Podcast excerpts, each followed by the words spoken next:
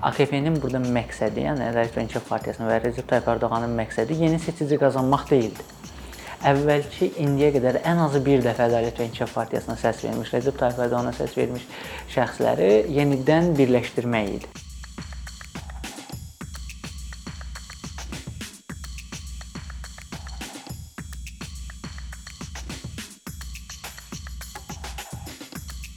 Günən salam, xoş gördük səni ikincidə.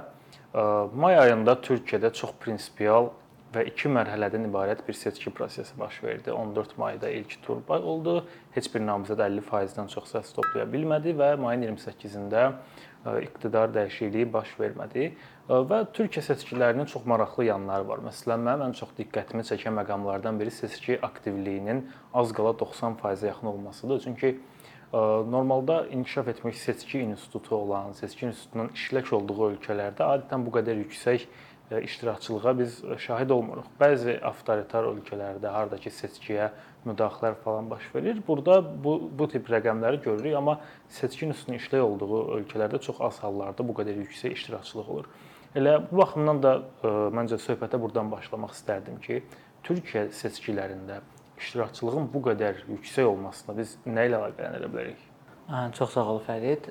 Deməli Türkiyədə dediyimiz kimi bütün tarixinə baxsaq, biz seçki iştirakçılığının həmişə yüksək səviyyədə olduğunu görə bilərik. Yəni minimum indiyə qədər 70%lar səviyyəsinə düşübdür. Daimi olaraq isə 80-lərdə gəzir, 86, 83, 92, 93 olduğu vaxtlar da olub. Yəni bu seçki aktivliyi əslində belə çox da Türkiyə standartlarında çox da yüksək seçki aktivliyi deyil.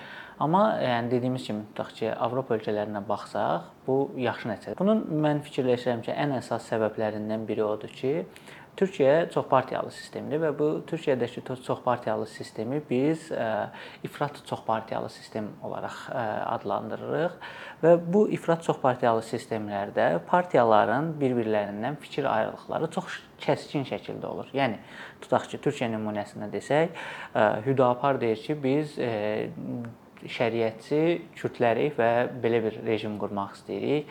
Digər tərəfdən tutaq ki, CHP deyir ki, biz sosial demokratıq nisbətən, MHP deyir ki, milliyyətçi, AKP deyir ki, biz mühafizəkarıq, sağ mühafizəkarıq və belə olan halda cəmiyyət çox çoxlu şəkildə bölünmüş olur.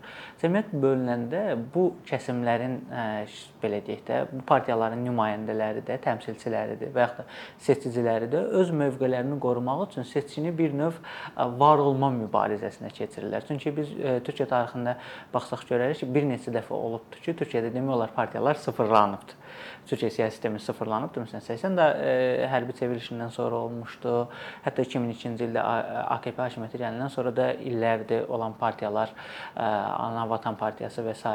bunlar demək olar ki, siyasi səhnədən silinlər, çox kiçik partiyalaşdılar və belə olan halda seçicilər artıq seçkiyə getməyi həm bir vətəndaşlıq borcu ilə yanaşı, həm də özlərinin ideoloji savaşı kimi görürlər ki, biz gedib mütləq orada səs verməliyik və öz varlığımızı bu partiyalar vasitəsilə təmin etməliyik etməliyik. Bu Avropada niyə belə deyil? Avropada bunun belə olmamağının əsas səbəblərindən biri odur ki, Avropada partiyaların fikirlərinin arasında, yəni ölkəyə baxışı, ölkənin problemləri ilə bağlı demək olar ki, ortaq bir razılaşma var.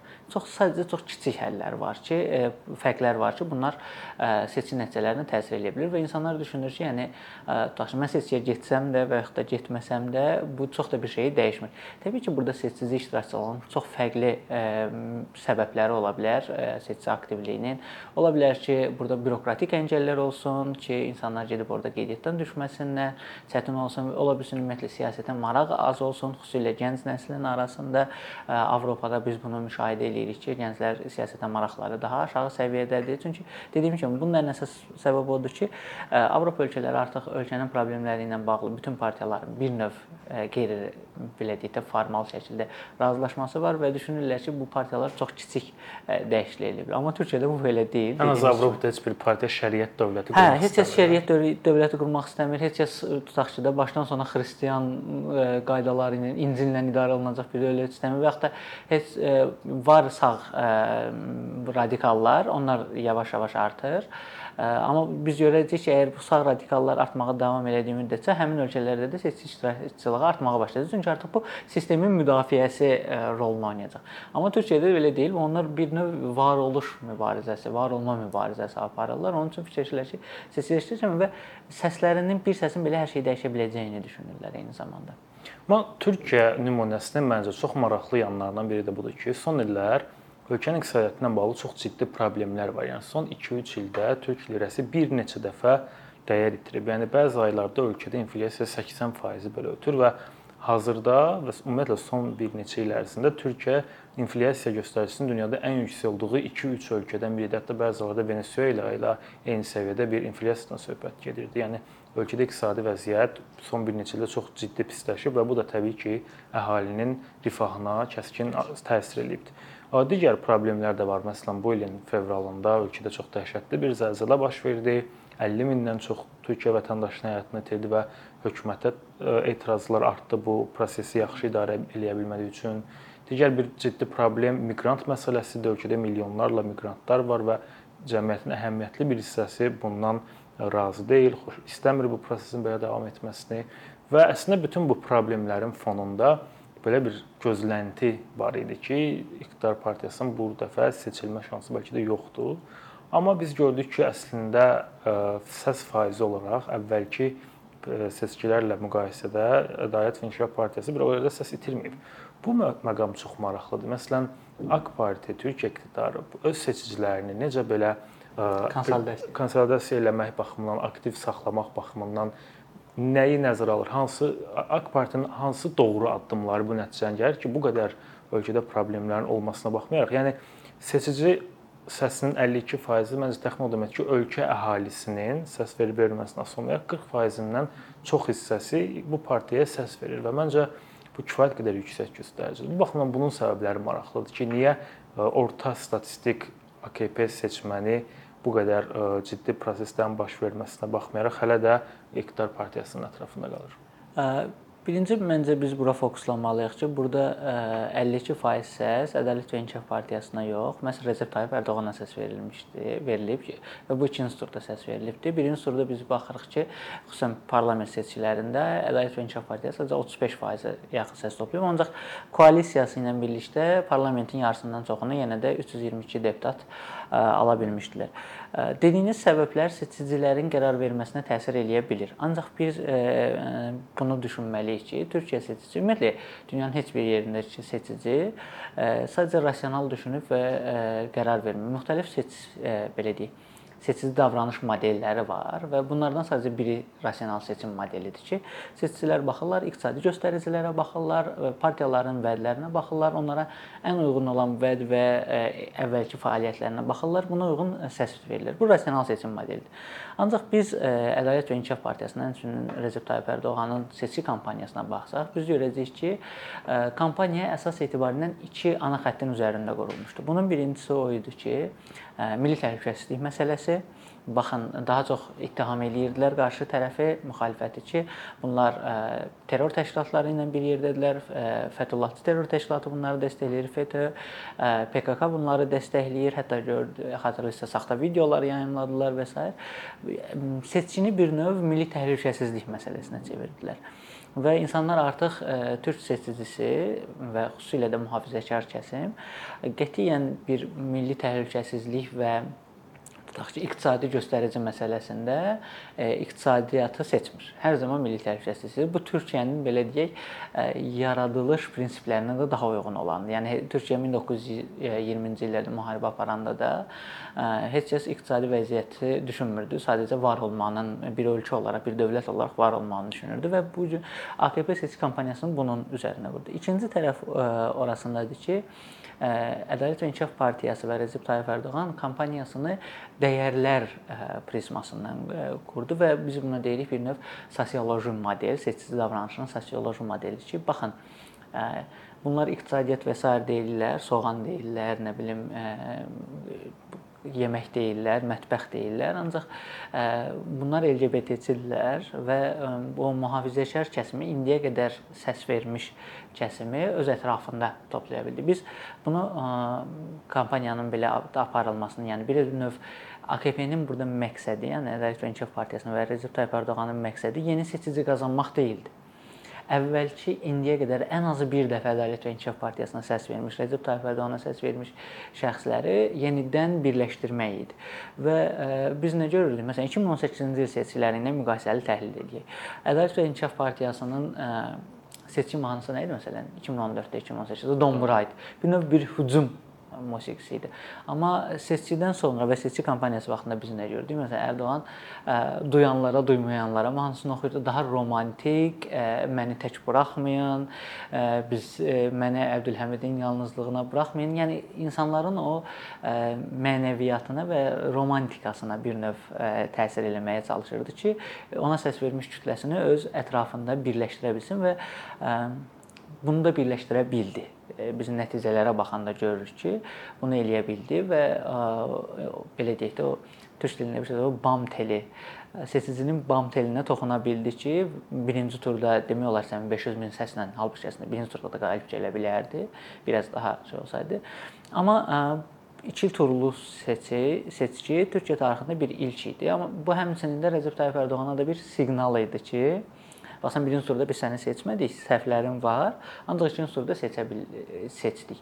Bu e, Ədalət və İnkişaf Partiyasının və Ərdoğanın üçün də yeni dövr üçün bir növ e, siqnallar ola bilər mənim fikrimcə. Elə çox maraqlı bir məqama toxundum. Mən də növbəti sualımı mövcud iqtidarın gələcəyi ilə bağlı vermək istirdim. Çünki dediyimiz kimi Ədalət və İnkişaf Partiyası seçkidən qalib çıxıb, amma bu hələ ölkənin problemlərinin həlli olması demək deyil. Hətta biz seçkidən sonrakı ilk iş günündə belə türk lirəsinin ciddi dəyər itirməsinə və bir çox sahələrdə qiymət artımlarının şahidi olduq. Bu baxımdan mənə maraqlıdır ki, indiki konjunkturada ə, iqtidarın həm Türkiyə iqtidarının daxili siyasət baxımından, xarici siyasət baxımından, ümumiyyətlə bu ideoloji yanaşmaları baxımından hansısa bir dəyişikliklər gözləməyə dəyərmi? Yəni gələcək 5 il ki, hətta bəzi iddialar var ki, bu 5 il bəlkə də sona çatmayar, bu iqtisadi problemlər davam etsə, Hansı ssenarilər var? Qarşıdakı illərdə Türkiyəyə bu seçimin nəticələri nələr vəd edir? Bundan başlayaq ki, Türkiyə Recep Tayyip Ərdoğanın siyasi portretinə baxsaq, biz onun heç vaxt belə deyək də təxmin edilən addımları atdığını çox da görə bilmirik. Məsələn, seçki ilə seçkidən qabaq nə deyilirdi? Seçki gün sıra qalsa, müxalifət bunun üzərində durmuşdu ki, ölkədə böyük xaos ola bilər, nə bilim partlayışlar ola bilər. Əvvəlki dövr 2 belə deyək də 2015-2016-cı il seçkilərində deyirdilər, istinad edirdilər bunlar iqtisadiyyatı həll edə bilməyəcəklər və s. Ancaq biz bu gün seçkidən sonra baş verən hadisələrə baxanda görürük ki, Rəcəb Tayyip Ərdoğan yenə müxalifəti bir növ gözləmədiyi addımları atmağa başlayıbdı. Məsələn, Türkiyə tarixinin ən yaxşı iqtisadiyyat nazirlərindən biri, Maliyyə və Xəzinə naziri Mehmet Şimşeki Ərdoğan dəvət eləyibdi, görüşüblər bir neçə dəfə və gözlənilən odur ki, bütün bütövlüklə iqtisadiyyat Recep Tayyip Ərdoğanın belə deyək, özünün şəxsi kurasiyasından çıxıb Mehmet Şimşeyə tapşırılacaq ki, Şimşek dünya finans mərkəzləri ilə çox yaxşı əlaqələri olan bir şəxsdir, dünyada tanınırlığı olan bir şəxsdir və 2013-cü ilə qədər Türkiyə iqtisadiyyatının yaxşı davam eləməsində də ciddi belə deyək, səyləri olan adamdır. İkinci bir məsələ nədir? Ərdoğan bu yəqin ki, gözlənilən ki, yeni belə deyək də kabinetdə bütünövlüklə bütün nazirləri dəyiş dəyişəcək. Onsuz da əksəriyyətini millət vəkili millət vəkilləri, bəli. Onlar ə, dəyişildi və ə, son xəbərlər bu idi ki, o öz belə deyək komandasını da bildirib ki, bu bir bayraq yarışıdır. Ə, biz artıq bu bayrağı yeni şəxslərə verməliyik və ə, mənim müşahidə etdiyim odur ki, belə deyək, ə, mətbuatdan oxuduğum net gəldiyim nəticələr budur ki, Ərdoğan ə, daha ə, insanların gözündə sevgisi, rəğbəti olan daha hörmət edilən şəxsləri kabinetinə qoşacaq və yəni nazirlik postları verəcək onlara və bu şəxslər artıq Ərdoğanın reytinqinə həm də hökumətin yenidən belə deyək də ikinci bir yenidən doğuşuna səbəb olacaq. Bayaq dediyim o Ərdoğan türk xalqını çox yaxşı tanıyır və o başa düşdü ki, türk xalqı birinci turda onu seçməməklə ona artıq bəzi şeyləri dəyişdirməli olduğunu da göstərir və indiyə qədər müşahidə etdiyim odur ki, Ərdoğan bunları dəyişdirməyə başlayıbdı. Mehmet Şimşek olsun, Hakan Fidanın təhlükəsizlik məsələlərindən tam belə deyək, cavabdeh şəxs olmağı, eyni zamanda İbrahim Kalının Xarici İşlər Nazirliyi məsələləri müzakirə olunur hal-hazırda. Bu İbrahim Kalın olsun, Mehmet Şimşek olsun, Hakan Fidan olsun, elə bu üç şəxsin özü türk xalqının gözündə müəyyən qədər prestijli qalan adamlardır və Ərdoğan müşahidə etdiyim o dediyim kimi səhvlərindən dərs çıxarıbdı və başa düşübdür. Türk Türkiyənin belə deyək, bu daxili siyasəti ilə bağlı bir tərəfdən, Türkiyənin xarici siyasətində isə mən düşünürəm ki, Ərdoğan yenidən həm Rusiya və Qərb arasında bir növ körpü rolunu oynamağa çalışacaq. Çünki Rusiya-Ukrayna müharibəsində biz gördük ki, Türkiyə konkret bir mövqe tutmadı. Hər zaman körpü rolunu oynadı. O taxıl koridoru olsun, danışıqlar üçün İstanbulu təklif elədi və bir dəfə də görüş təş Antalyada bir görüş oldu Rusiya-Ukrayna. Yəni Türkiyə bu dünyanın hal-hazırda iki qütbləşdiyi bir vəziyyətdə konkret olaraq bir mövqe tutmayacaq və bu xətti davam elətdirməyə çalışacaq Rəcəb Tayyib Ərdoğan. Çünki burada hər hansı bir ciddi problem görmür. Ancaq problem daha qərblə olan münasibətlərdədir ki, buran burada da artıq ə, qərbindən yeni razılaşmalara gedə biləcəyini mən düşünürəm. Onların bəzi tələblərini qəbul edə biləcəyini, ölkənin daha dediyim kimi dünyaya açılmağını tələb eləyə bilər. Məsələn, son açıqlaması bu idi ki, bildiyiniz kimi Türkiyə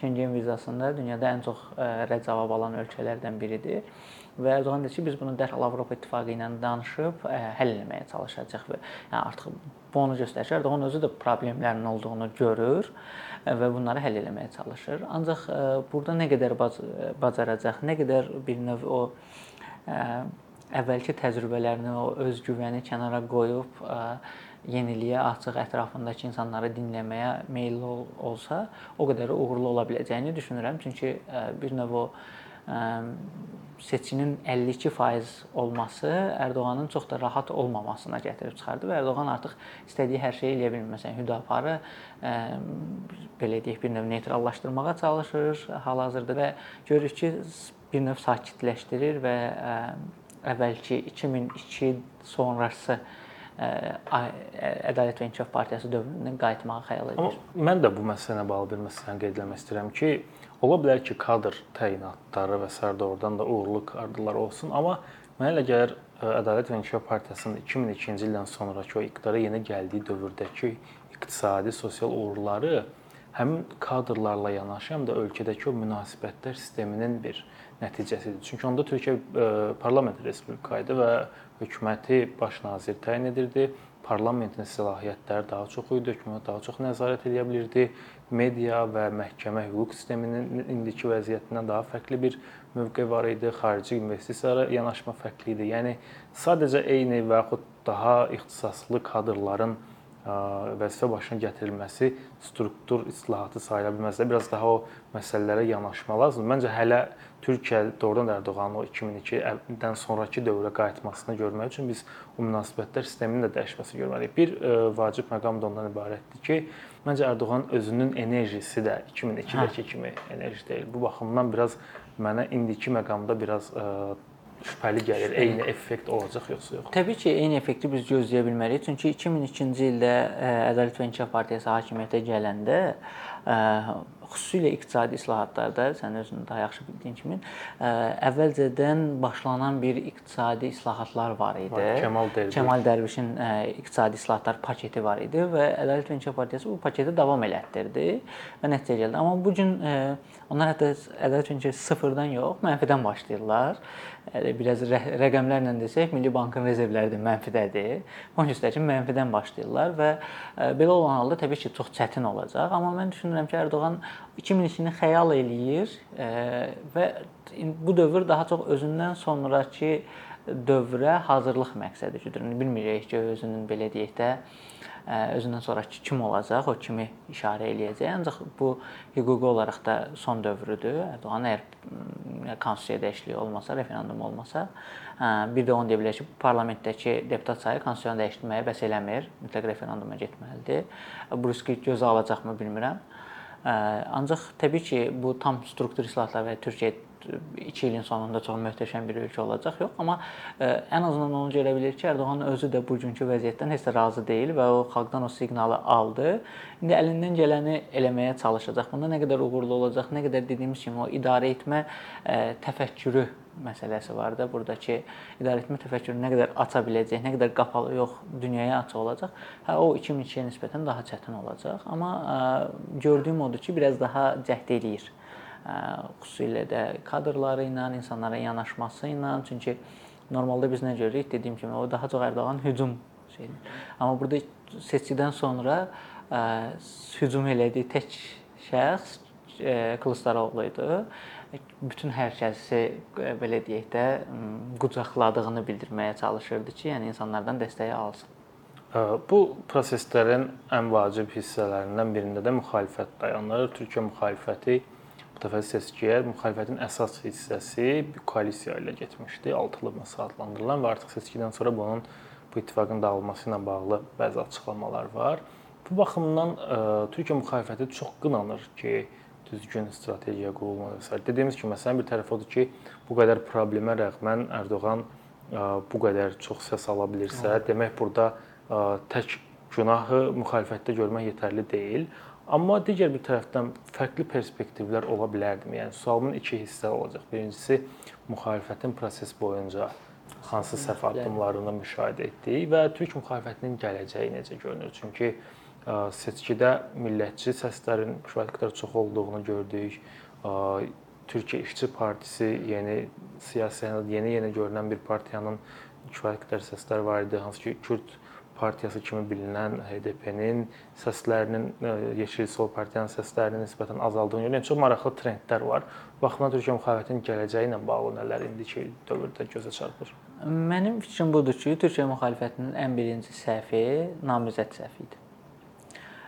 Bu namizəd, yəni Kəmal Kılıçdaroğlu qətiyyən türk bütövlüklə türk müxalif kəsiminin və Ərdoğana qarşı olan kəsimin namizədi yox, sırf o 6 altılı masadakı, hətta Meral Akşener'i biz kənara qoysaq, digər 5 partiyanın namizədi idi Kəmal Kılıçdaroğlu. Təbii ki, Kəmal Kılıçdaroğlu Türkiyənin ən böyük müxalifətin, ana müxalifət partiyasının sədri idi. İlk ağla gələn namizədlərdən biri olmalı idi. Ancaq ə, e, burada belə bir şey var ki, seçkidən əvvəlki ə, e, anketlər, sorğular onu göstərirdi ki, Kəmal Kılıçdaroğlu Ərdoğan qarşısında ən az səs ala bilən namizəd idi. Və biz əgər CHP-nin, e, Cümhuriyyət Xalq Partiyasının əvvəlki qalib gəldiyi seçkilərdə, xüsusilə bələdiyyə seçkilərinə biz baxsaq, görəcəyik ki, CHP hər zaman qalib gəldiyi vaxt e, sağ yönümlü amma CHP-dən olan namizəddən e, namizəd vasitəsilə qalib gəlir. Məsələn, ə, e, Əkrəm İmamoğlu İstanbul Böyükşehir Bələdiyyə başqanı. Əkrəm İmamoğlunun ailəsi DYP-li, Doğru Yol Partisindən, yəni bir sağ kökənlidir. Bunu qəbul etmək lazımdır. Türkiyədə sağ seçici kütləsi sola nisbətən daha böyükdür sosial demokratlara nisbətən daha böyükdür. Mansur Yavaş keçmiş MHP-li idi, qalib gəlmişdi və ə, sorğular da onu göstərir ki, bir Mansur Yavaşın, sonra Əkrəm İmamoğlunun, üçüncü isə Kılıçdaroğlunun belə deyək də sıralasaydılar, ə, bu formada olacaqdı. Hətta Mansur Yavaşın birinci turda qalib gələcəyini təxmin edilirdi. Ancaq burada şübhələr vardı, Kürd seçicisi ilə bağlı idi.